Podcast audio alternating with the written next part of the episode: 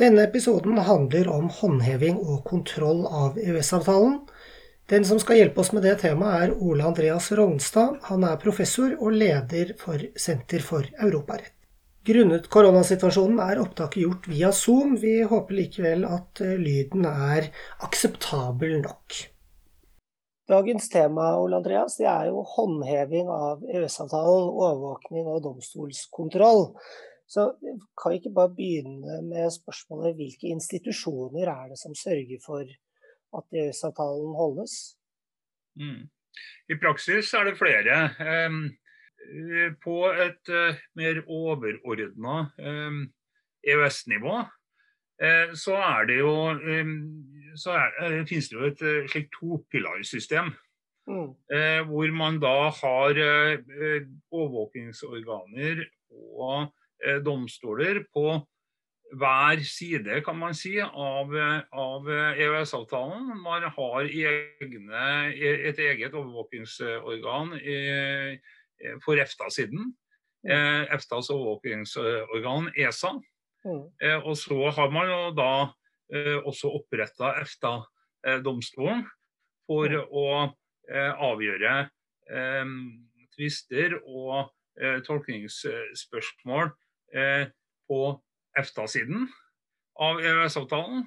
Eh, på den annen side så er jo også EØS-avtalen en del av EU-retten. Ja, for den andre og, siden, det er EU, ikke sant? Og den andre siden er EU. Mm. Ikke sant? Så, og der eh, er det jo da EU-kommisjonen eh, i utgangspunktet, eh, mm. som da er, er overvåkingsorganet, og så har man jo da EU-domstolen. Så Det er jo da de to, to pilarene. I tillegg eh, så er det jo også sånn at eh, nasjonale, både nasjonale forvaltningsmyndigheter og nasjonale domstoler eh, har eh, også eh, i oppgave å eh, sørge for at, at EØS-retten blir, blir overholdt. Ja, ikke sant. Og det til, til, disse, til forvaltningsorganer og domstoler så ligger vel også nemnder, vil jeg tro? Der ligger også nemnder. og mm. Det kan vi eventuelt komme tilbake til, men der er det jo også et eh, spørsmål om, om nemndene har kompetanse til å forelegge eh, spørsmål for, eh, for eh, henholdsvis eh, EFTA-domstolen og EU-domstolen. Det kan vi eventuelt eh, komme litt tilbake til. Ja, men eh, ja, det kan vi komme tilbake til. Men eh, skal vi begynne med, begynne med ESA, da? Altså mm. de på en måte mer aktive håndheverne. Ja. Eh, hva, hva er ESAs hovedkompetanser eller oppgaver? Nei, altså ESAs oppgave er jo ESA betyr, altså, betyr jo EFTAs Surveillance Authority, altså EFTAs overvåkingsorgan. Og um, det ligger jo uh, i det navnet at ESA eh, e eh, da har til oppgave å overvåke EØS-avtalen. Og overvåke at EØS-avtalen blir oppfylt fra EFTA-statene sin side. Ja, og du, du, sier da at de har til oppgave å overvåke det på, for EFTA-statene sin side. Betyr det at det er kommisjonen som har oppgaven for å sørge for eller overvåke at EU-statene, som da også er medlem av EØS-avtalen, at mm. de så, så, kommisjonen håndterer Spania på, overvåker Spanias etterleving av EØS-avtalen på en måte? Ja, det stemmer. og Det, det er jo da et utslag nettopp uh, av det, det to, topilarsystemet uh, som er oppretta gjennom uh, EØS-avtalen. altså um, EFTA-statene, og ikke minst Norge, var jo uvillig til å underlegge seg eh, EU-kommisjonens eh, kompetanse. Mm. Og Da ble jo løsningen i stedet at man, at man opprettet egne, et eget overvåkingsorgan som har til oppgave å um, sørge for at uh, EFTA-statene overholder uh, sine, uh, sine, forpliktelser etter avtalen. Ja, nettopp. ja. Ja, eh, men så, så ligger det i det at f.eks. Eller for, for, å ta spørre, da, hva er, hvor, hva, hvordan er det ESA går frem? Da? Hvilke, hvilke verktøy har de for å sørge for at Og kommisjonen da på, på EU-siden, hvilke verktøy har de for å sørge for at statene overholder EØS-avtalen? Nei, altså De har jo annet, da, altså Det er jo en rekke verktøy. Men bl.a. så har de jo kompetanse til å reise uh, traktatbruddssøksmål overfor EFTA-statene. Mm. og da den prosessen er jo også basert men for så vidt Hele overvåkingsprosessen er basert på at det skal være en tett dialog Eh, mellom ESA og nasjonale myndigheter når det gjelder eh, overholdelsen av forpliktelsen. Og Det avspeiles også i den prosedyren eh, som da som da ligger under der hvor EFTA-statene Eller der hvor ESA, unnskyld, får mistanke om, eller mm. eh, Eller tips om, kanskje? Tips om, ikke minst. Mm. Eh, at eh, det finnes noen problemer i medlemsstatene. Eh, så er det jo basert på en dialog og basert på brevveksling.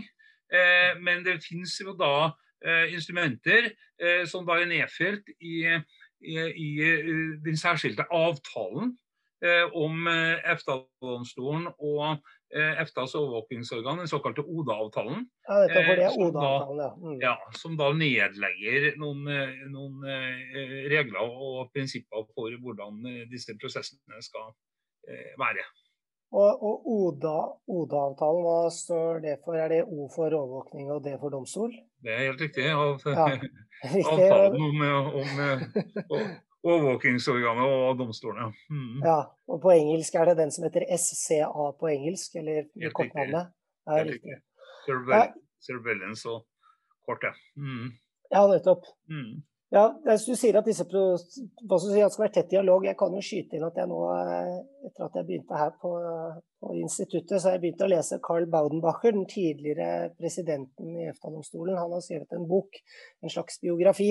Mm. Eh, og der eh, er et av hans et, et, av de punktene som han er litt kritisk til, er at han mener at ESA lot sånne dialoger ta for lang tid. Altså at han mm. syntes det skulle vært på en måte mm kortere forhandlinger med statene, kan du si, brevveksling fram og tilbake, ja. og raskere til å ta ut traktatbruddssøksmål. Ja. Men det er kanskje ikke så rart når man sitter i domstolen at man vil ha saker og få, muligheten til å si 'sånn er det', i stedet for å det, det, det, er noen trekk ved EØS-avtalen som eh, bærer litt preg av akkurat det der. Altså at, eh, at forholdene på eh, EFTA-siden og forholdene i EFTA-pilaren rent faktisk er litt annerledes enn det er i EU. Og det finnes jo vel også en, en dom eh, fra eh, EFTA-domstolen der hvor man da har grepet inn eh, overfor det man da mener er for eh, sendrektig eh, saksbehandling fra ESAs side, som ikke nødvendigvis har et, eh, en parallell i, parallell i EU-domstolen. Ja, og Parallellen ville der vært at EU-domstolen på en eller annen måte slo ned på kommisjonens treghet i, i sin saksbehandling og aktivitet overfor staten. Mm, mm. Ja, nettopp. Ja. Mm. Eh, nettopp. Eh, men, men, når det så går til traktatbruddssøksmål, eh, hvordan er det det foregår? Altså, det, det, det, foregår vel på den måten at eh, først så skriver da ESA eh, brev eh, til eh, norske myndigheter. Eh, og gjerne da de, de, delene av det som har ansvaret for det aktuelle eh, området. Eh, og sier hvordan de sånn i utgangspunktet oppfatter saken, mm. og ber om en uttalelse på det. Altså Hvis de har fått inn et tips om at uh, da uh, Hvis de f.eks. har fått inn et tips om at uh, Norge bryter EØS-avtalen på et eller annet punkt, eh, og mener at det er grunnlag for å gå videre på det, eh, så, eh, så skriver de da til norske myndigheter og ber om å få en, en uttalelse og en redegjørelse ja. for det. Så Da setter de en frist, gjerne to, to måneder, for å avgi en sånn uttalelse. Da kan de jo få noen nærmere forklaringer og sånn, eh, som da gjør dem i stand til å vurdere om det er grunn til å gå videre. Eh, og eh, hvis de mener eh, fortsatt at det er grunn til å gå videre, at vi ikke har fått fyllestgjørende forklaring på at eh, dette er eh, helt i orden, mm. så lager de en såkalt reasoned opinion. Ja. Så, og, og den, den, er viktig av flere grunner. fordi at Når de da har avgitt en sånn reason opinion, så er det da forholdene på tidspunktet for reason opinion det er det som på en måte er avgjørende for om det foreligger et eh, eh traktatbrudd eller ikke. Nettopp. Ikke, ikke senere inntrådt faktum, på en Nei, måte. Det ser man da vekk fra. Mm. Det er akkurat det jeg husker bl.a. i såkalte Kellogg's-saken om eh, cornflakes. Så vidt jeg husker, så var det, eh, var det en eh, sak. Altså at norske myndigheter da forsøkte å etterforklare ting, og ja. da, da, var det for sent. Okay. Um, sånn at man må svare da på det reasoned opinion. Det er da man har muligheten for å kunne svare på det. Hvis da um, ESA fortsatt uh, mener at uh, her er det grunnlag for um, uh, her, her, er grunnlag for, for traktatbrudd, så eh, initierer de da eh, en sak for EFTA-domstolen om det. Og, og, og, eh, dette jeg har fått med meg at eh, det er ESA for ikke like før sommeren sendte det som heter, de kaller 'letter of formal notice' mm. eh, til Norge i forbindelse med ja, det som har vært i mediene omtalt som Skiens- og Oslo-modellen. Hvor eh, innkjøpere i bl.a. Oslo kommune, Skien og andre steder i landet, hvor det er da begrensninger på hvor mange ledd av underleverandører de tillater. Og så har ESA da sendt et letter of formal notice hvor de mener at dette kan være i strid. Eller i, i det letter of formal notice så sier de at dette er i strid med EU-retten. Mm. Eh, og Er det letter of formal notice, er det det samme som reasoned opinion, eller er det et annet? Ja, men, men det, det vel egne regler når det gjelder anskaffelsessaker eh, okay. og, og, statsstøtte, eh, blant okay. annet. Nettopp. Ja, det, nettopp, det kan forklare det. ja.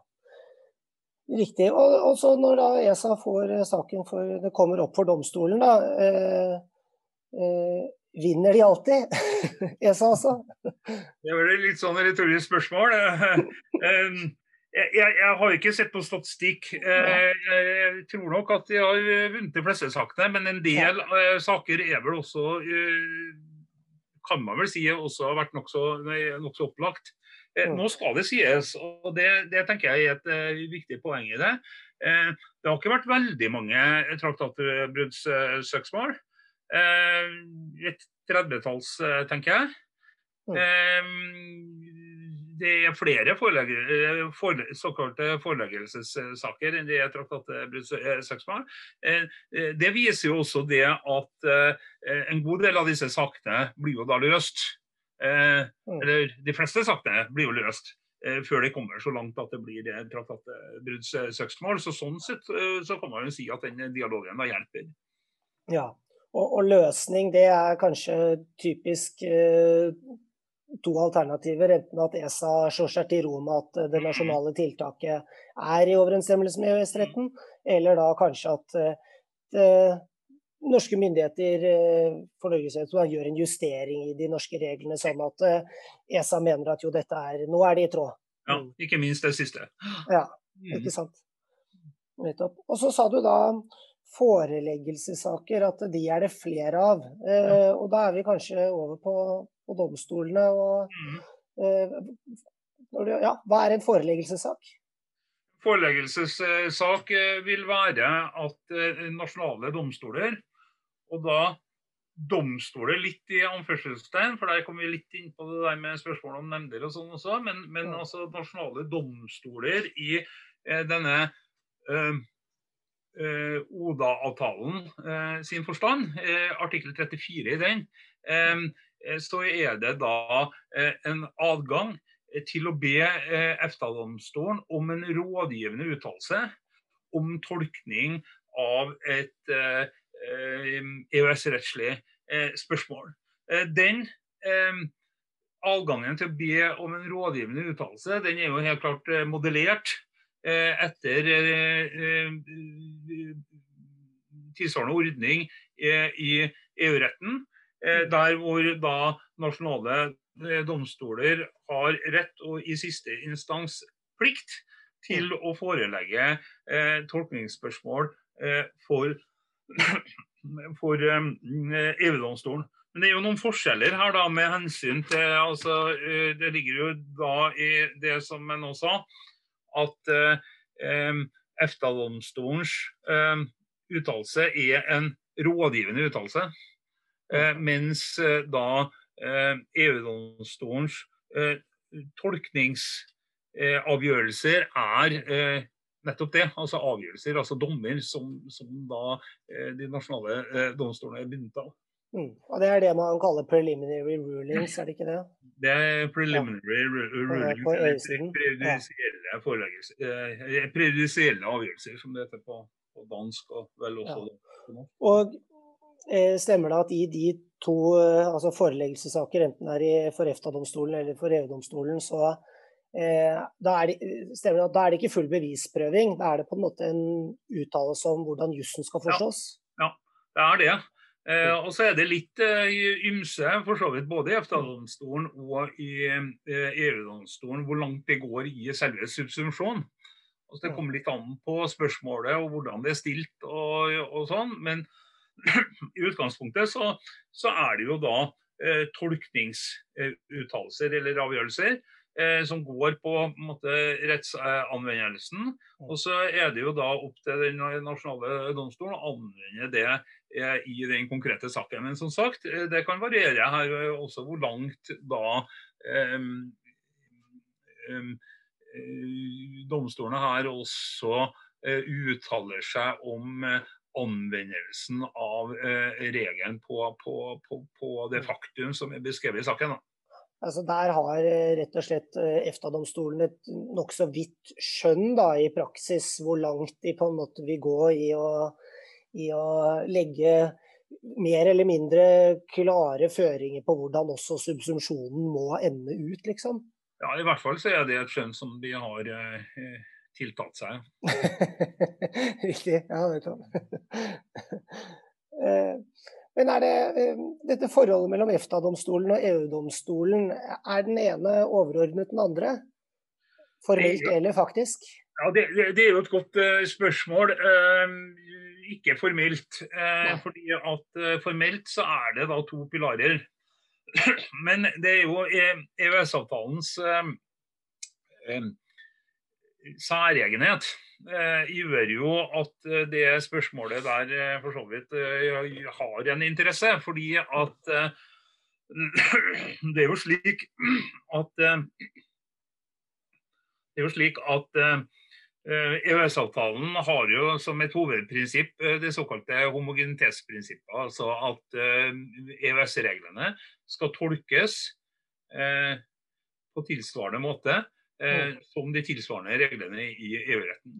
Og I og med at det er EU-domstolen som da um, avgjør tolkningsspørsmål og avgjør um, også uh, saker i EU-retten, så betyr jo det homogenitetsprinsippet at man i, i, langt på vei må følge EU-domstolen. Det hender f.eks. da at det kan jo da hende sant, at EFTA-domstolen får et Eh, spørsmål forelagt for seg først. Eh, og så, uh, uten at det har vært oppe i EU-domstolen, det er klart at da innebærer jo homogenitetshensynet at de skal da um, anvende EU-rettslig metode uh, så langt det lar seg gjøre, og komme fram til et resultat som da vil presumptivt være homogent. Men så kan det tenkes at EU-domstolen har en annen oppfatning. Mm. Og I en sånn type situasjon så vil man da måtte si det at her må EØS-avtalen tolkes sånn som EU-domstolen har eh, sagt, eh, og ikke EFTA-domstolen, fordi at EFTA-domstolen da tok stilling til det spørsmålet før. Mm. Eh, de hadde mulighet for å ta hensyn til, til, til EU-domstolen. Og det viser seg vel også i praksis at det, dette er noe som også EFTA-domstolen praktiserer selv. Ja, altså at de praktiserer å følge den etterfølgende dommen ja. fra EU-domstolen, ja. og ikke sin egen eh, presedens, på en måte. Helt riktig. Mm, nettopp. Og Kommer du på noe eksempel på det? Var det situasjonen i Fosenlinjen-saken f.eks., eller var det Nei, kanskje ikke det. Ja. Ikke helt der, eh, men, men altså den beste eh, altså Fosen-saken var jo spesiell i og med at man fikk at ja. man fikk to fikk, avgjørelser. Ja, fra EFTA-domstolen. Ja, sant. Fra ja. eh, men det som, eh, det som måtte, kanskje er det mest eh, iøynefallende saken, er den såkalte Loreal-saken. Mm. Eh, om eh, parallellimport fra, av varer fra tredjeland. Eh, hvor da EFTA-domstolen det, det, var spørsmål om, om tolkning av en bestemmelse i varemerkedirektivet Mm. Eh, om den da skulle tolkes sånn at uh, varemerkeinnehaveren har uh, rett til å hindre såkalt parallellimport, altså uautorisert import, fra land utafor um, EØS, om mm. varemerkedirektivet krever det, eller om medlemsstatene har frihet mm. til å bestemme det. Og Da fikk EFTA-domstolen i den såkalte Maglite-saken anledning til å ta stilling til det først. Og så sa de det at varemerkedirektivet i en EØS-kontekst og, og, det er ganske interessant, for da, da uh, fremhevet de også at det var um, forskjellige hensyn i en EØS- og en EU-kontekst. Da sa de I en EØS-kontekst så innebærer det at uh, EFTA-statene må, må, stå fritt til ja. å, å, å bestemme at varemerkeretten skal være konsumert, altså at man eh, skal kunne importere eh, varer uten varemerkeinnehaverens eh, tillatelse, også fra tredjeland, altså også fra USA. Ja. Så det kunne være, bare sånn at jeg forstår en, mm. en tenkt situasjon. Norsk, norsk importør av sjampo ja. eller sminke velger å kjøpe Loreal-sjampo, sminke fra USA eller fra Kina i stedet for direkte fra Frankrike. Ja. Og da får du en parallellimportsituasjon? Da får du en parallellimport ja, fra tredjeland. Mm. Da er spørsmålet om varemerkedirektivet da bestemmer at her skal, det skal varemerkeinnehaveren kunne eh, hindre. Han kan mm. ikke hindre fra Frankrike, for det kommer i konflikt med prinsippet om fri bevegelighet av varer. Ikke sant? Det er om direktivet skal forstås sånn at han, han eh, kan hindre, eh, hindre, det om man skal ha regler som gjør at varemerkeinnehaveren kan motsette eh, seg det eh, hvis det kommer fra tredjeland. Og Da sa EFTA-domstolen i Maglite at nei, i og med at man ikke har harmoniserte tredjelandsregler osv. Så sånn i, i EØS og i EFTA, så, så, kan ikke varemerkedirektivet forstås på den måten. Mm. Så kom EU-domstolen til det motsatte resultatet i en sak da som gjaldt eh, reimport fra et tredjeland og inn i, i EU. Eh, og dermed så, eh, noen år etter det igjen, eh, så kom jo da dette spørsmålet på nytt opp. Eh, I denne L'Oreal-saken, som da gjaldt eh, sjampo og, og kosmetikk, som du var inne på. Og da eh, var det jo spørsmålet skulle eh, EFTA-domstolen da holde fast ved eh, det resultatet som de hadde kommet til i Meglart, nemlig at eh, statene står, f.eks. Norge, da, står fritt. Eh, eller skulle man på samme måte som EU si det at nei, her har, må statene sørge for at varemerkeinnehaveren har rett til å hindre parallellimport fra et tredjeland. Og da kom de til det siste. Ja, ikke sant la avgjørende vekt på homogenitetshensynene. Ja.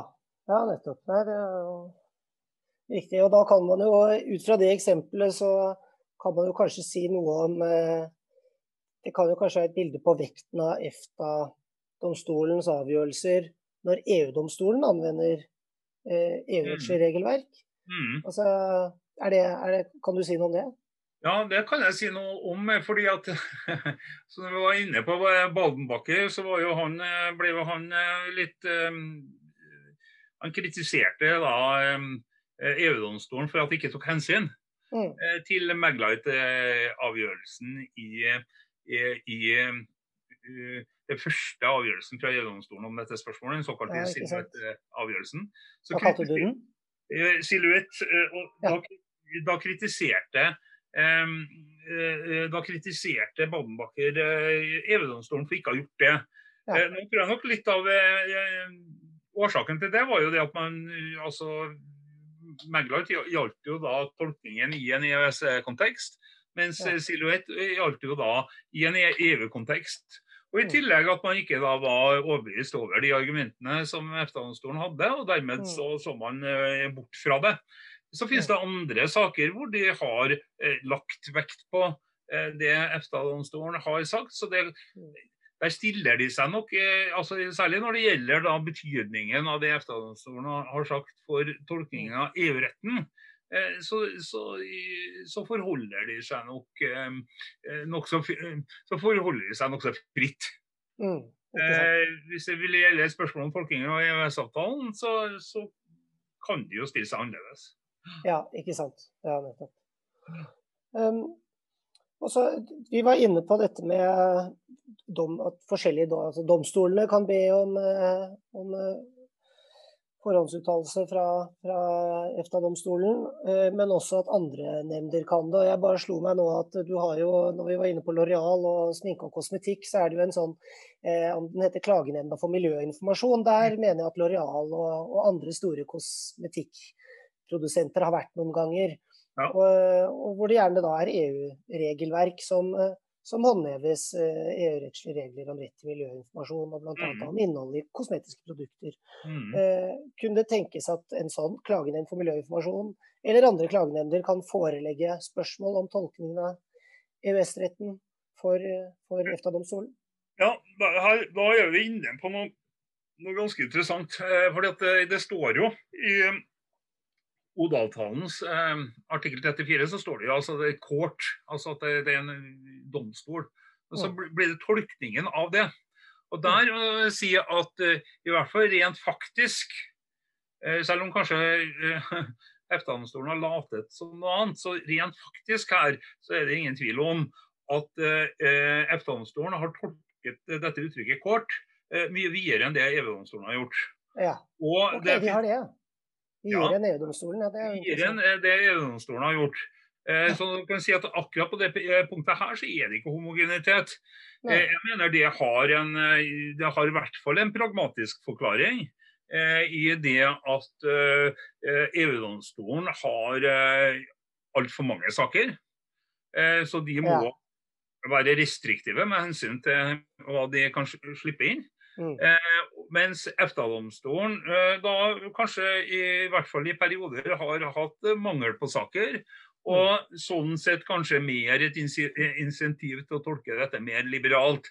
Eh, mm. de har eh, både EU-domstolen og EFTA-domstolen har uh, trukket fram at det er en forutsetning for at den instansen da, som kan forelegge saker, mm. er uavhengig. Eh, men de har igjen faktisk eh, tolket dette med uavhengighet litt, eh, litt, litt, forskjellig. Og Når du sier dette med klagenemnder, så kan jeg jo da fortelle at jeg har vært med på en foreleggelse selv. Ja. Fordi at jeg satt i det som heter Klagenemnda for industrielle rettigheter. Og vi fikk opp en sak om tolkningen av varemerkeloven i forhold til spørsmålet om eh, Oslo kommune da kunne varemerkebeskytte Gustav Vigeland sine verk og skulpturer. Hele Vigelandsparken. Ja, Sinnataggen og ja, kunne, kunne Oslo kommune da Var det ikke noe litt sånn om de kunne Oslo kommune kunne si at T-skjorte med bilde av Sinnataggen på, det er det vi som har rettighetene til, på en måte. Det, det, er helt riktig. Og, og, og, og, grunnen til at de varemerkeregistrerte disse verkene, var jo det at eh, opphavsretten eh, da, varer i 70 år etter eh, opphaverens død, Eh, Gustav Vigeland døde i 1943. Og i 1.1.2014 så gikk ja, da, da opphavsretten hans ut. Og da snudde kommunen seg rundt og så varemerkebeskytta dem, disse verkene i stedet. Og Et av de spørsmålene vi da stilte, var på en måte det, kan, kan det tenkes at, at varemerkeregistrering her er i strid med, med offentlig orden? Fordi at eh, det ikke er meningen at varemerkereglene skal eh, måtte kompensere for eh, manglende opphavsrettsbeskyttelse.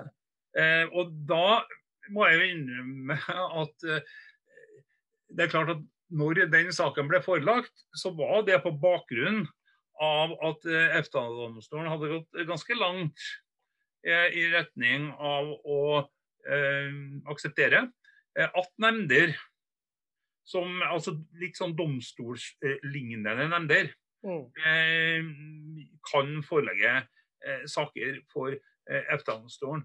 Det var jo da eh, argumentasjon, bl.a. fra den norske statssida her, eh, at de mente at eh, henviste til EU-domstolens eh, praksis som støtte for at eh, nemnda ikke kunne forelegge. Eh, men eh, det skyldes altså at eh, på EU-siden har man her vært strengere med hensyn til å akseptere da et utvida domstolsbegrep. Mm.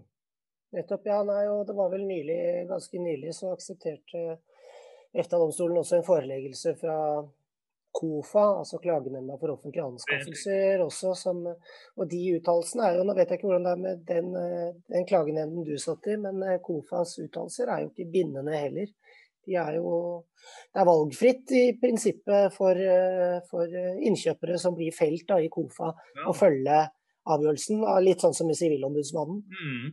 Så selv om det er en mm. mm. det er annerledes med den nemnda som jeg satt i. Det var, det var da bindende avgjørelser om mm. Eh, om eh, bl.a. om eh, da registrering, altså gyldigheten av registrering av, av varemerker og, og, og, patenter. Ja, nettopp. Mm. Riktig.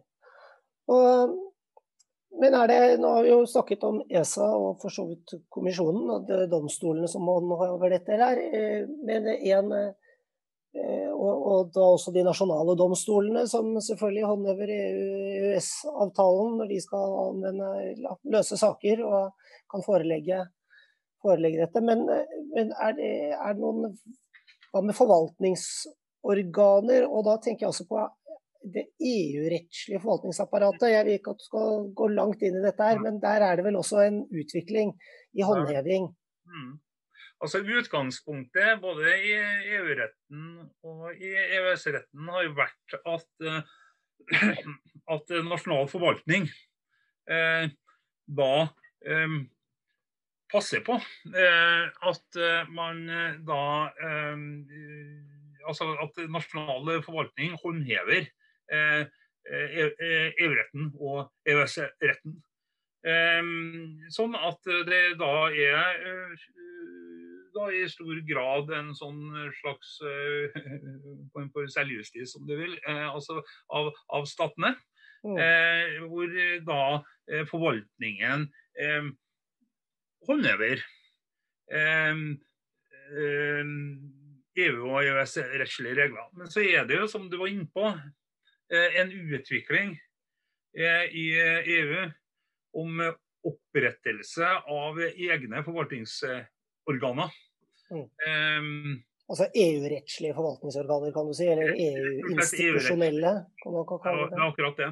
Mm. Det er klart at det har jo også vært eh, kontroversielt da, i forhold til eh, sant, hvor man da har eh, direktiver som oppretter den type eh, egne forvaltningsorganer på EU-siden. Mm. Altså, eh, så er det klart at da oppstår det jo et problem i forhold til EØS-siden hvis de skal ha eh, kompetanse eh, der. Fordi at eh, det har jo noe med EØS-avtalens manglende overnasjonalitet å, å, å, gjøre.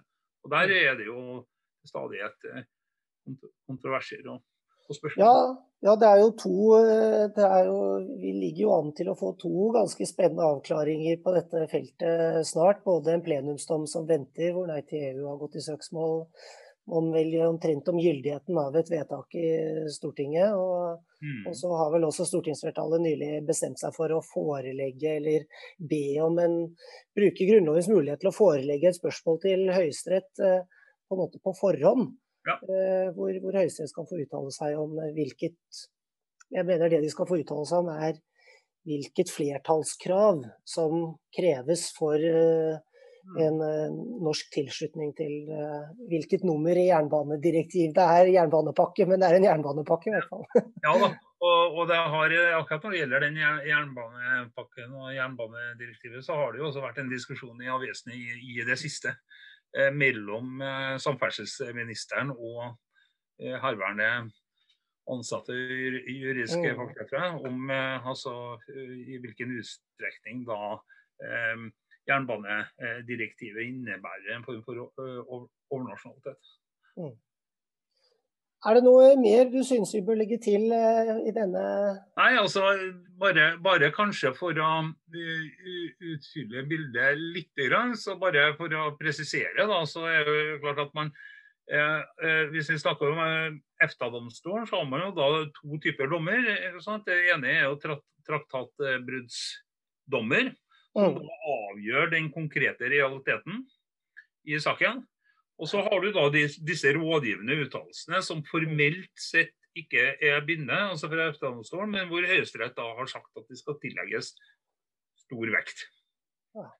Eh, så det er bare viktig det. Så finnes det også i Ådal-avtalens artikkel 32, tror jeg, så finnes det på tilsvarende måte som i EU eh, muligheter for stater og, og saksøke hverandre eh, for brudd på forpliktelsene. Ja. Men det skjer ikke i praksis verken i EU eller i EØS. Altså det som skjer er vel da at man melder inn til det aktuelle overvåkingsorganet, som da eh, tar saken videre, hvis man mener at en annen stat bryter eh, forpliktelsene.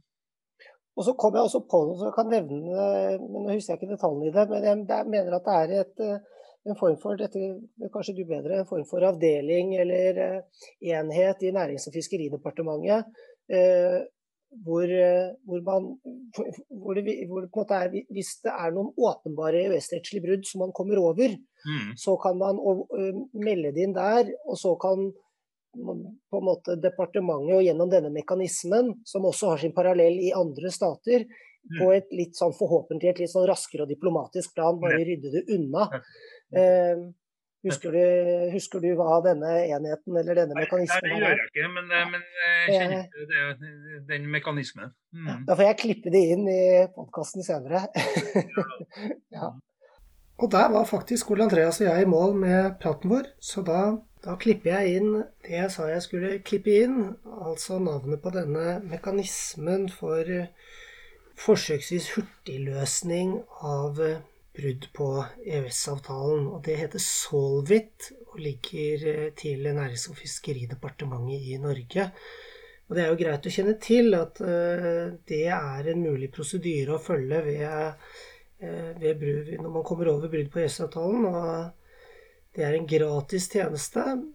Og så kan man jo også ha med seg at man ikke kan bruke Solvit hvis det er innledet rettslige prosesser. Eh, for domstolene, men det er greit hvis, eh, hvis det bare er igangsatt prosedyre for klageorganer. Da kan Solvit fortsatt brukes. Jeg kommer til å lenke til eh, Solvit sine hjemmesider på, på Senter for Europaretts hjemmesider. Takk for at du har hørt på denne episoden av Senter for Europaretts podkast. Vi er i en startfase av dette podkastprosjektet, så vi vil veldig gjerne ha dine innspill om hva som funker godt, om noe, hva som funker dårlig, og hva slags temaer og saker du vil at vi skal ta opp. Så send gjerne en e-post med dine kommentarer til Trygve Harlem Losnedal. Min e-postadresse er litt lang og kronglete, men du finner den på Senter for Europarets hjemmesider. Takk for i dag.